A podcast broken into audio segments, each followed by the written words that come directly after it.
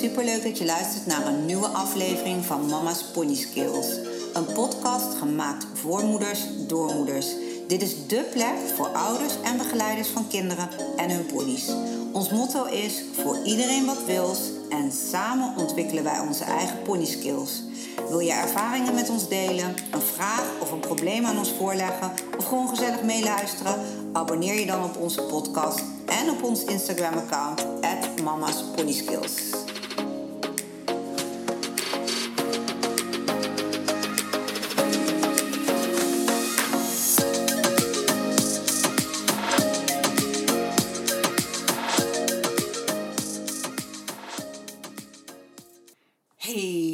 superleuk dat jullie weer luisteren naar een nieuwe aflevering van Mama's Pony Skills. Ik had uh, de vraag op Instagram al naar jullie, aan jullie gesteld. En dat is de volgende. Zou jij een 100% brave kinderpony kopen die een stalondeugd heeft? Ik weet dat deze vraag meerdere mensen bezighoudt. Want ja, je kijkt ook altijd naar een advertentie en dan staat er heeft geen stalondeugden of, uh, ja, of juist heeft wel een stalondeugd.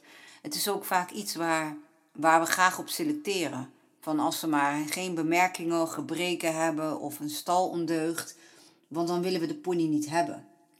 En nou wil ik geen uh, ponies promoten met stalondeugden. Ik wil niet zeggen van nou koop vooral een pony met een stalondeugd. Maar ik wil het wel bespreekbaar maken. Want ik weet dat er ook echt hele leuke ponies zijn met inderdaad een stalondeugd.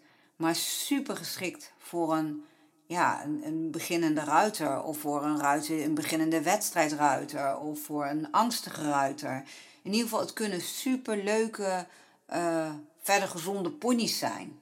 Maar ze hebben wel een stalondeugd.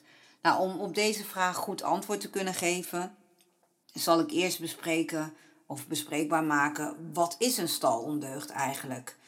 Uh, nou, een stalondeugd, ja, dat kunnen verschillende dingen zijn.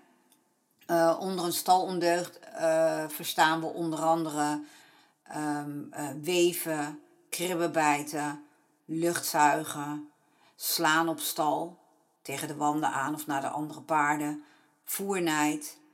Um, de, ja, een stalondeugd, ja, het is eigenlijk negatief gedrag dat een paard zich heeft aangewend, vaak doordat hij zich verveelt, uh, niet prettig voelt, last heeft van stress, of dat hij uh, het paard ergens pijn heeft, of een combinatie van deze dingen. En ja, het woord stalondeugd vind ik eigenlijk al een, een naar woord, want het lijkt bijna alsof uh, het paard of de pony met een stalondeugd ongehoorzaam zou zijn. Terwijl het vaak dus juist voorkomt uit stress of pijn. Of een combinatie daarvan. Um, maar goed, dat, dat is weer een ander onderwerp. Um, de vraag is hier: zou jij een pony kopen? Verder 100% braaf. Verder super geschikt voor jouw kind. Um, maar zou jij zo'n pony kopen? nou, als je mij die vraag zou stellen, heel wat jaren geleden had ik gezegd nee omdat we zo gewend zijn, hè, een stalondeugd. Oh, je moet geen pony kopen met een stalondeugd. En dan komt er een hele rits redenen waarom. Daar ga ik dadelijk ook nog verder op in. Maar ik moet wel eerlijk zeggen dat ik in de jaren ook wat wijzer ben geworden. Zelf te maken heb gehad met paarden en ponies met stalondeugden. En dat ik daar dus iets genuanceerder in ben. En dat ik geneigd ben uh, mits het de stalondeugd binnen bepaalde perken is natuurlijk, maar daarover later meer, ben ik wel geneigd om daar soms wel overheen te stappen en te kijken van oké, de pony voldoet verder eigenlijk aan alles wat ik van de pony graag zou zien en willen en wat ik fijn vind voor mijn kind. En dan is het stalondeugd natuurlijk niet leuk, maar wel iets wat ik op de koop toe zou kunnen nemen ik zeg het wel heel voorzichtig, want het is natuurlijk afhankelijk van in welke mate de stalondeugd aanwezig is. En uh, wat ik ook heel belangrijk vind, hoe wordt de pony nu gehouden? Laten we beginnen met een pony die weeft. Uh, wat houdt weven nou eigenlijk in? Uh, bij een pony die weeft zie je eigenlijk dat de pony afwisselend van zijn linker op zijn rechter voorbeen heen en weer beweegt. Je ziet zijn lichaam dan van rechts naar links heen en weer bewegen.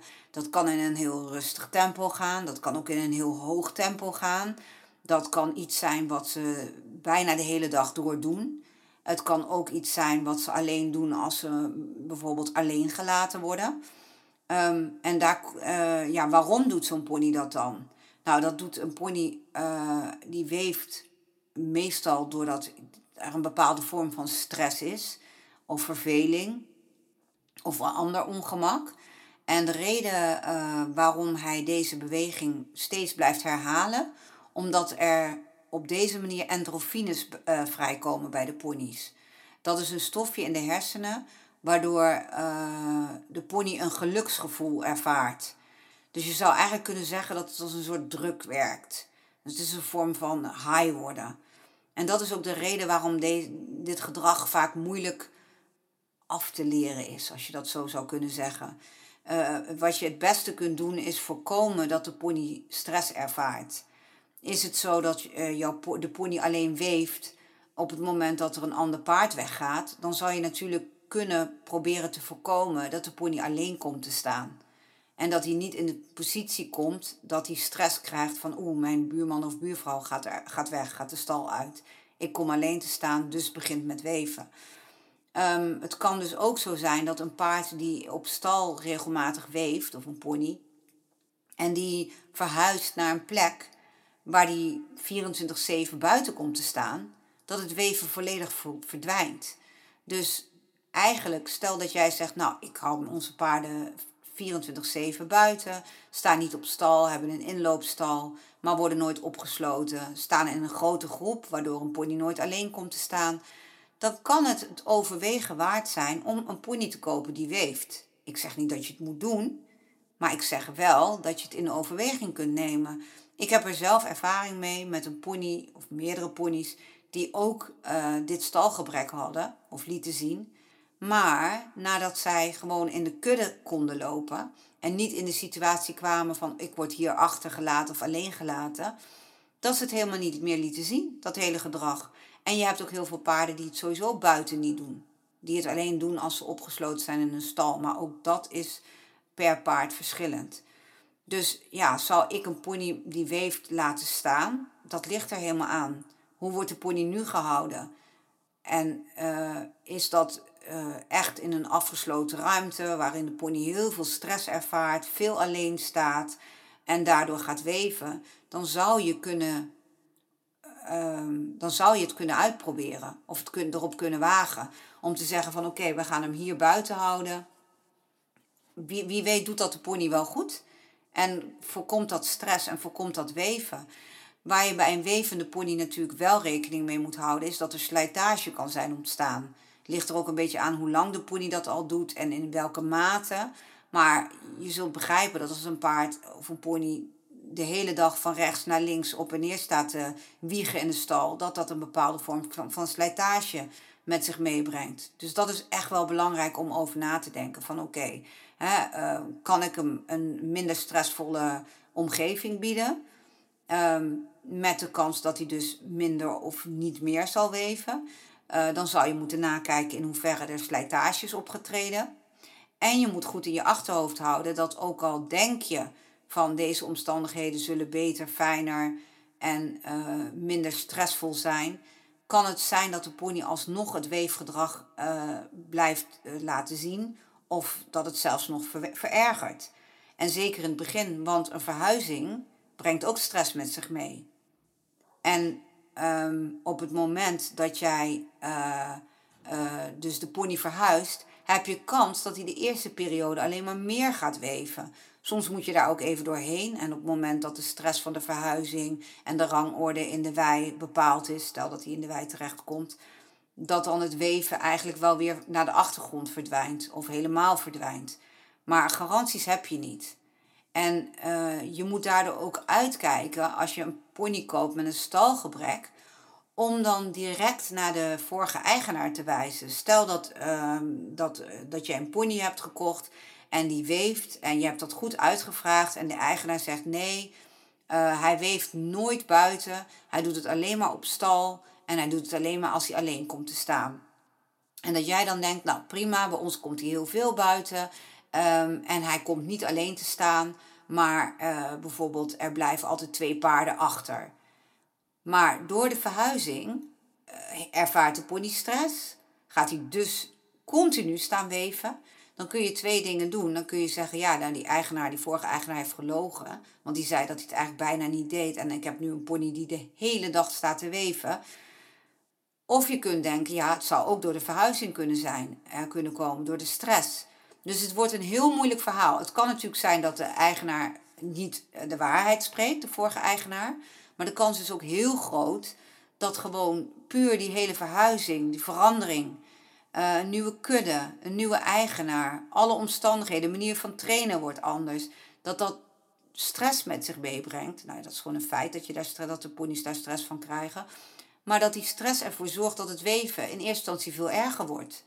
En misschien dat hij het zelfs in de, in de, in de wei gaat laten zien, omdat hij in een nieuwe groep terechtkomt, waar hij nog zijn plek moet uh, veroveren. En dat kan ook stress met zich meegeven. Dit hoeft natuurlijk niet, maar het kan wel. Dus ook dat is wel iets waar je goed over na moet denken. Nou, als ik even uit eigen ervaring spreek, dan is het bij ons eigenlijk altijd gebleken dat als wij ponies kregen die weefden, dat het eigenlijk in een uh, best wel redelijk snelle tijd voorbij was. En dat we alleen het weven bijvoorbeeld nog terugzagen als we op wedstrijd gingen. En we moesten ze daar tijdelijk in een stal zetten, even voor een paar uurtjes. Dat je dan het weven weer terug zag. Door de enorme stress, spanning en de verandering. Maar bij ons zijn de paarden sowieso heel veel buiten. En uh, als ze op stal staan, staan ze met elkaar op stal. En als, uh, de, als er eentje naar buiten gaat, gaan ze eigenlijk allemaal naar buiten. En dat zorgt er vaak voor dat een paard zich niet makkelijk uh, verlaten of alleen voelt.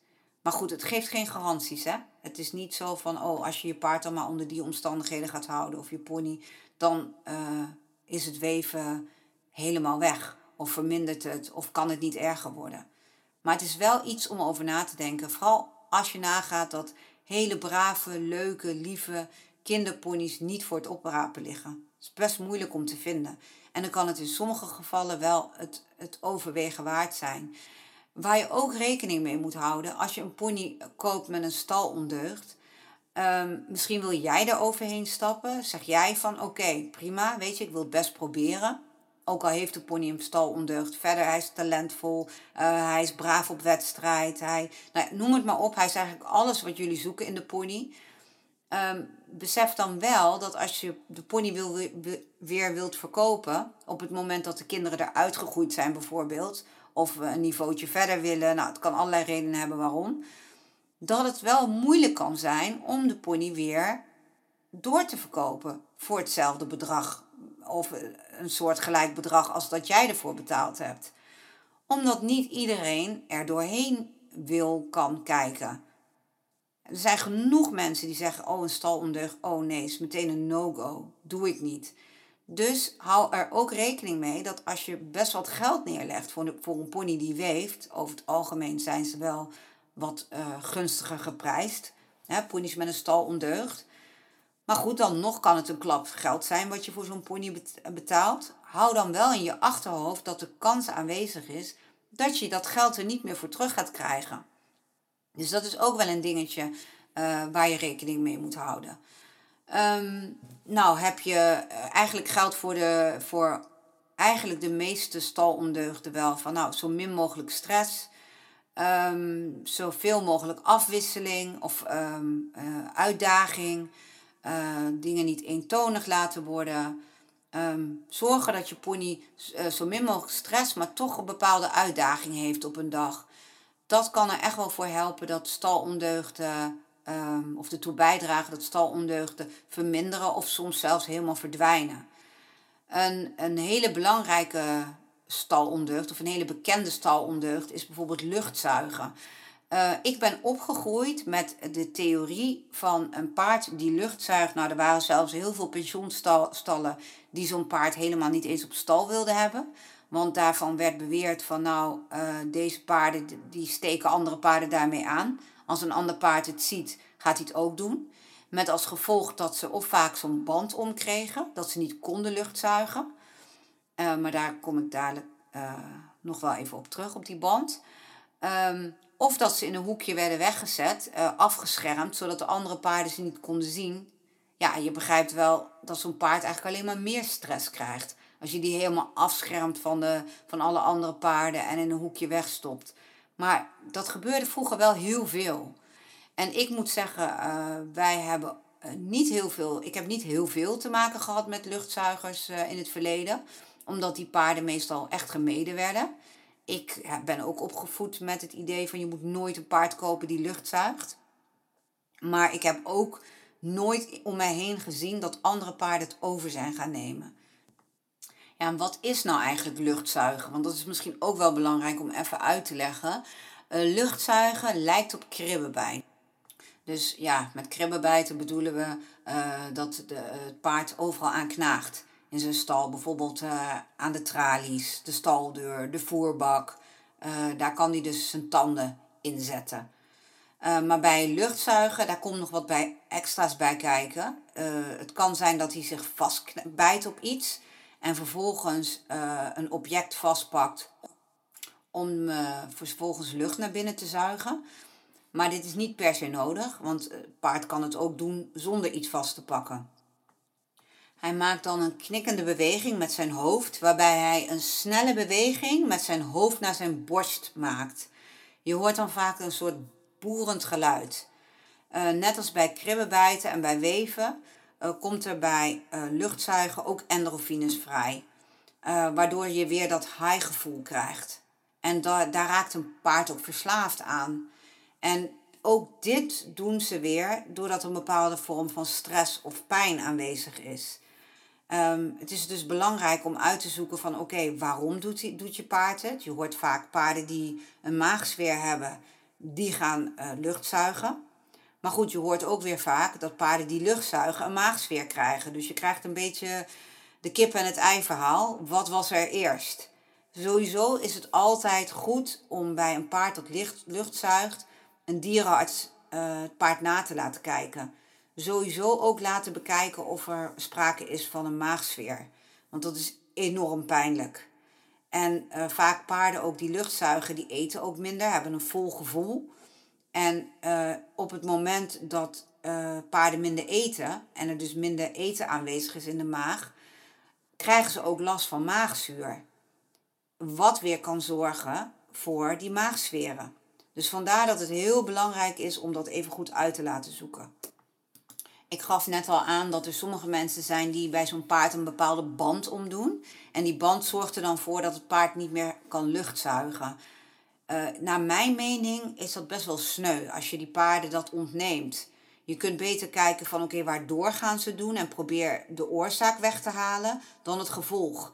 Want een paard wat zich al heel erg uh, ja, niet prettig voelt, uh, zenuwachtig, gestrest is, of wat de reden ook is waarom dat paard lucht zuigt, als je hem ook nog hetgene wat hem kalmeert en rust geeft, wat hem rustig maakt, dus dat luchtzuigen, als je hem dat gaat ontnemen, ja, dat is natuurlijk helemaal sneu. Dan wordt de stress alleen maar erger bij zo'n paard en dan wordt hij alleen maar ongelukkiger van. Uh, mijn eerste echte ervaring met een paard dat lucht zuigt is eigenlijk een paard uh, die ken ik doordat een van mijn uh, lesklanten een paard heeft gekocht die lucht zuigt. Um, zeg maar, eh, zij stond daar al op stal, waar dat paard stond. Dat paard kende ze al en die zou verkocht worden. Uh, vlak voordat ze hem kocht heb ik haar daar een keer mee zien rijden. Heb ik naar gekeken en dacht ik, oh, dat ziet er best wel leuk uit. Leuke combinatie. Verder kende ik het paard niet goed.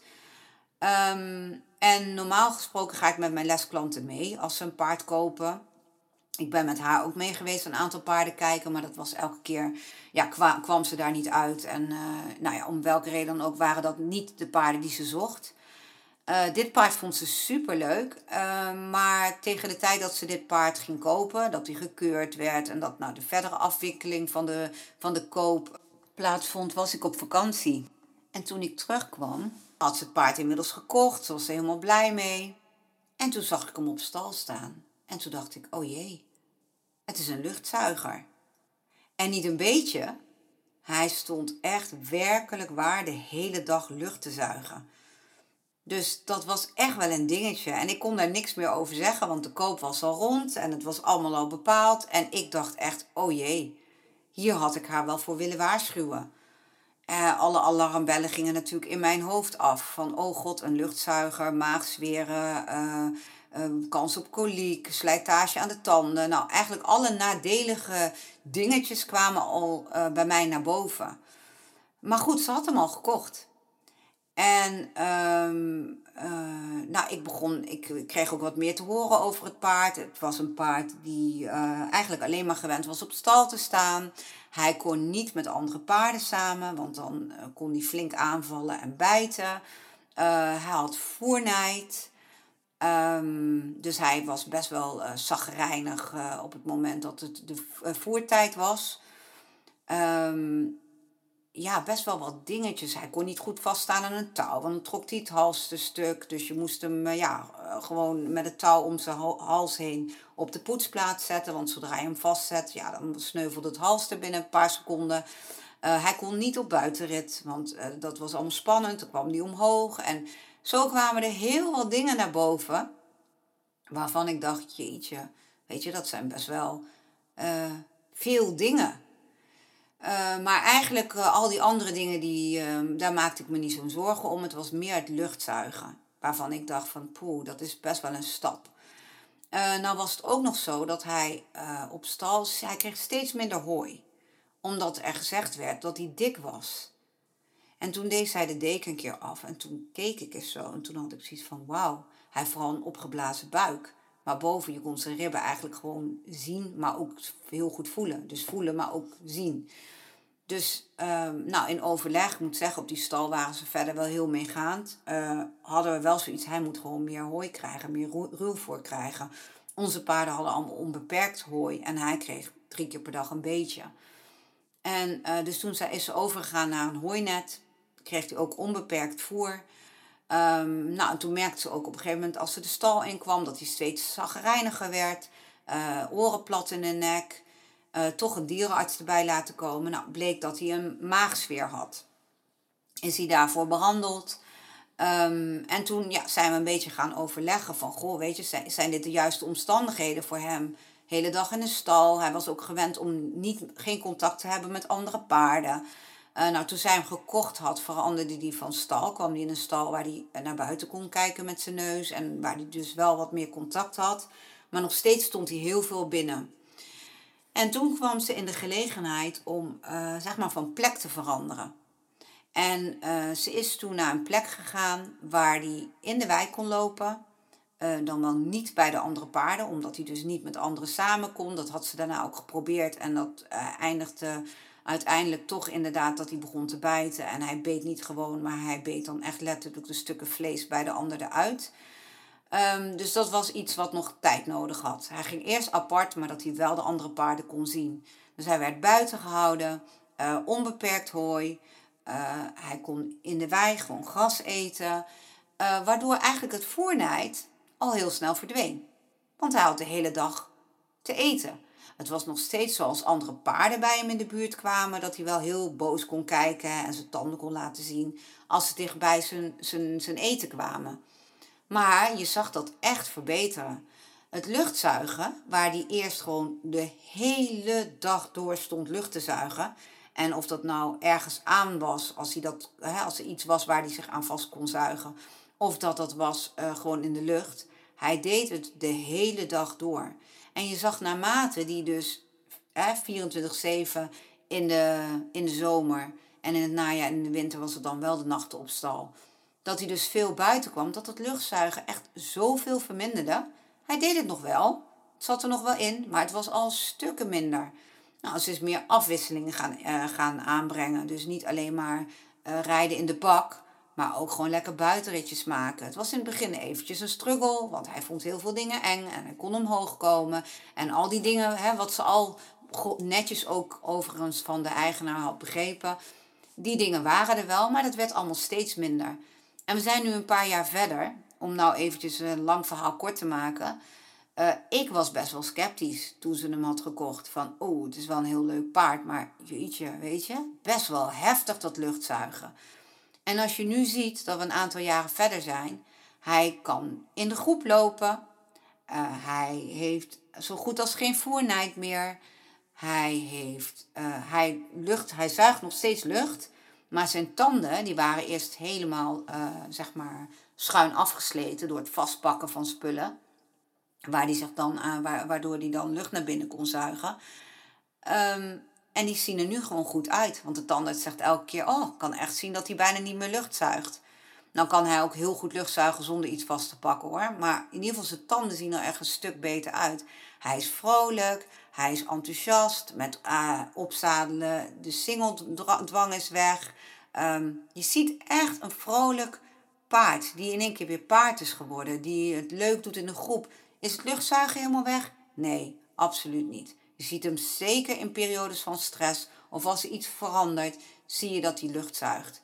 Maar is het nog zo heftig als in het begin? Absoluut niet. En als je dan verder ziet wat een karakter hij heeft. Hij is zo vriendelijk. Hij is talentvol. Hij kan super geweldig mooi lopen. Hij is werklustig. Hij is eerlijk. Echt goud eerlijk. Als we nu de balans opmaken na al die jaren, zeg ik van nou, ik zal je zo weer groen licht geven om dit paard te kopen. Het is zo'n leuk, lief, geweldig, mooi paard. Dat ik denk van oké, okay, dit heeft toch wel, dit paard heeft toch wel mijn, uh, uh, mijn, uh, mijn kijk op paarden die bijvoorbeeld luchtzuigen veranderd. Tuurlijk, het heeft nadelige gevolgen en hij is gevoelig voor een maagsfeer. En hij zou gevoeliger kunnen zijn voor koliek, wat hij overigens bij ons, ja, één keertje heeft hij koliek gehad. Maar wat wij in ieder geval verder niet bij hem zien. Tuurlijk, die dingen zijn er allemaal.